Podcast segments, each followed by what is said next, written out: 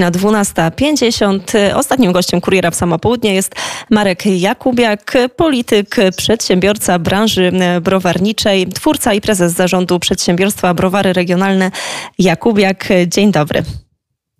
Dzień dobry, dzień dobry. Ostatni będą pierwszymi, pani redaktor. W to, w to nie wątpię. W to nie wątpię. Panie pośle, może najpierw krótki komentarz do tego wszystkiego, co dzieje się teraz wokół Zjednoczonej Prawicy.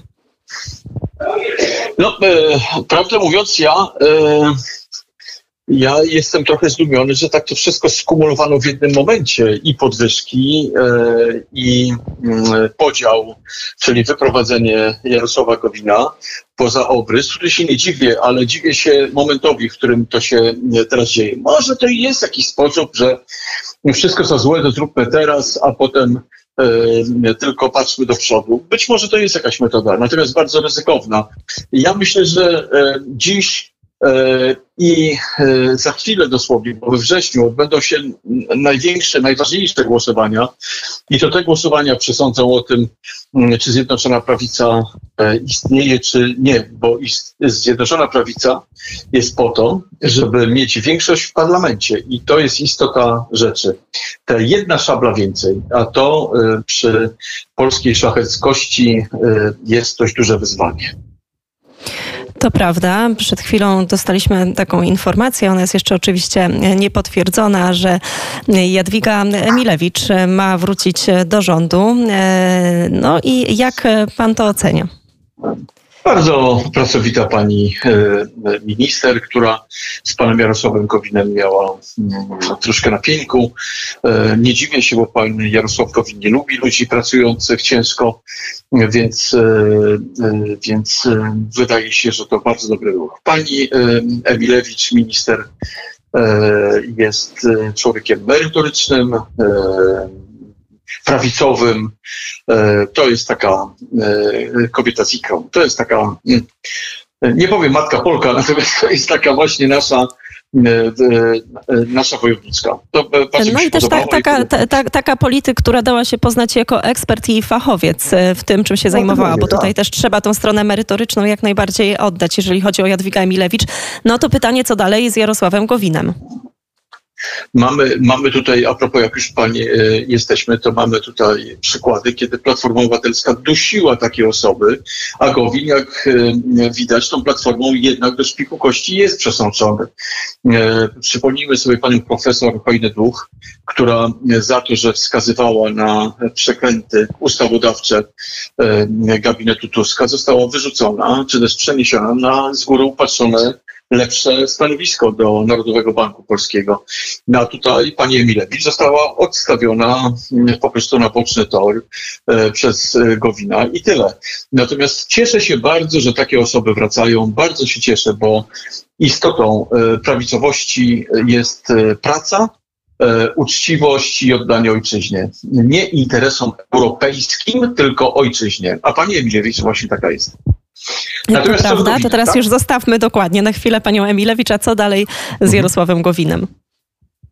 E, mi to się wydaje, że ten owoc już jest przegrzany. Ja rozmawiałem wczoraj z jednym z polityków Platformy Obywatelskiej i nie bardzo jakoś tak wypowiadał się w kwestii Gowina ze szczęściem.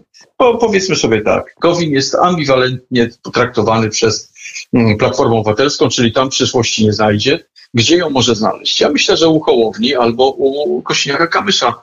E, I wcale bym się nie zdziwił, e, jeżeli, mm, jeżeli zamiast Pawła Kukiza e, PSL miałby Gowina. Tylko tyle, że PSL jest bardzo demokratyczną partią. Ja tutaj muszę Państwu powiedzieć, że ja PSL trochę podglądam e, i muszę powiedzieć, że to jest jedna z bardziej demokratycznych partii w Polsce i oni tak łatwo e, e, nie będą w szeregach. PSL-u to już w ogóle niemożliwe, natomiast czy współpraca z Gowinem tak będzie postrzegana przez PSL, jak na przykład przez Kośniaka Kamysza, który razem pracował, przecież w jednym gabinecie byli u Donalda Tuska, czy to będzie tak postrzegane przez, e, przez e, środowisko PSL-u pozytywnie, nie mam pojęcia. Ja myślę, że mogą być kłopoty z tym. E, no ale co? Ale cóż, zobaczymy. No, myślę, że Hołownia się do tego dopisze, ponieważ Hołownia widać wyraźnie, że w tej chwili mm, w Tusku widzi swojego rywala bardzo poważnego, który od razu z pięści mu między oczy przyłożył i Hołownia spada już do 10%, a już prawie samodzielne rządy tworzył, jak kiedyś Petru. Tak więc myślę, że tutaj taki, taka trójca powstanie, PSL, mm, Hołownia i E, i e, Gowin i oni w trójkę będą dogadywać e, się z Platformą Obywatelską czy z koalicją obywatelską, jakby to nie zwał. Chodzi o tych ludzi, którzy przy Tusku zostaną. I myślę, że wtedy może powstać ta zjednoczona opozycja, tak jak kiedyś popis powstawał, tak teraz będzie powstawała Koalicja Polska i Koalicja Obywatelska jako jedna koalicja e, i Tusk będzie rozmawiał pewnie ze swoim, no, co by nie powiedzieć młodszym, ale jednak e, szanowanym przez niego Kośniakiem Kamyszem, bardzo sympatycznym człowiekiem, zresztą prywatnie, mm, e, Hołownią i panem Gowinem. A pan rozumiem, że będzie z perspektywy to wszystko bacznie obserwował i będzie pan na bieżąco komentował dla mediów, czy może zauczestniczy pan jakoś w tym wyścigu, w tej walce? Samo to, że e, rozmawiam z panią na tematy polityczne, oznacza, że z polityki nie odszedłem, że to jednak, e, jednak los ojczyzny nie może być tak po prostu dla swoich e, E, do swojego spokojnego życia i leżenia na plaży pod palmami, e, tak porzucony. Dziś ojczyzna jest nasza na zakręcie. Ja sobie po prostu nie wyobrażam takiej sytuacji, że po pierwsze PiS nie zreflektuje się i nie zmieni sposobu swojego rządzenia. Nie może bowiem być tak, że w sposób nieodpowiedzialny prowadzi się jakieś ustawy, potem się no, chyłkiem ucieka. Ja po prostu nie lubię takich postaw. PiS musi coś ze sobą zrobić, żeby jak podejmuje decyzję, to ma je podjąć. No. To nie może być tak jak z e, IPN-em e, i Żydami. To nie może być tak jak e, teraz z, z sądami. Po prostu jeżeli ktoś tu robi z siebie niepoważnego, to tylko Prawo i Sprawiedliwość samo z siebie. I to mnie bardzo boli, dlatego że sobie nie wyobrażam rządów Platformy Obywatelskiej, czyli powrotu 14 e, roku. Ja sobie nie wyobrażam. Oni po prostu jeszcze tylko całej Polski nie sprzedali. Jeszcze troszkę zostało. Więc myślę, że w ciągu trzech pierwszych miesięcy swojego zarządzania od razu to oddadzą, żeby nie mieć kłopotu, a potem to już tylko ciepła woda w kranie, e, banany na, na święta Bożego Narodzenia, jak na gierka. I to nie jest śmieszne, ale proszę Państwa, możemy się. A myśli Pan tak szczerze, tak, szczerze, tak szczerze, że są duże szanse na to, że Platforma wróci do władzy? E, myślę, że myślę, że Prawo i Sprawiedliwość nie może, nie może e, rozpatrywać e, takiej wersji, że jest wszystko w porządku i że nikim nie zagrozi. To z samego, z samego z samej psychologii politycznej powinno wynikać, że zagrożenie jest, wtedy się będą dyscyplinować.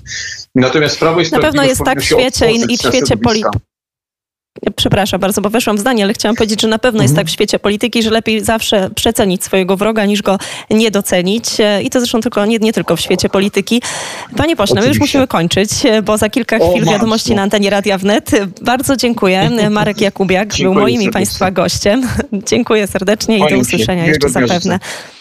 Miłego dnia również. Drodzy Państwo, już za kilka chwil, punktualnie godzina 13 i wiadomości na antenie Radia Wnet. Ja już dziękuję Państwu za uwagę.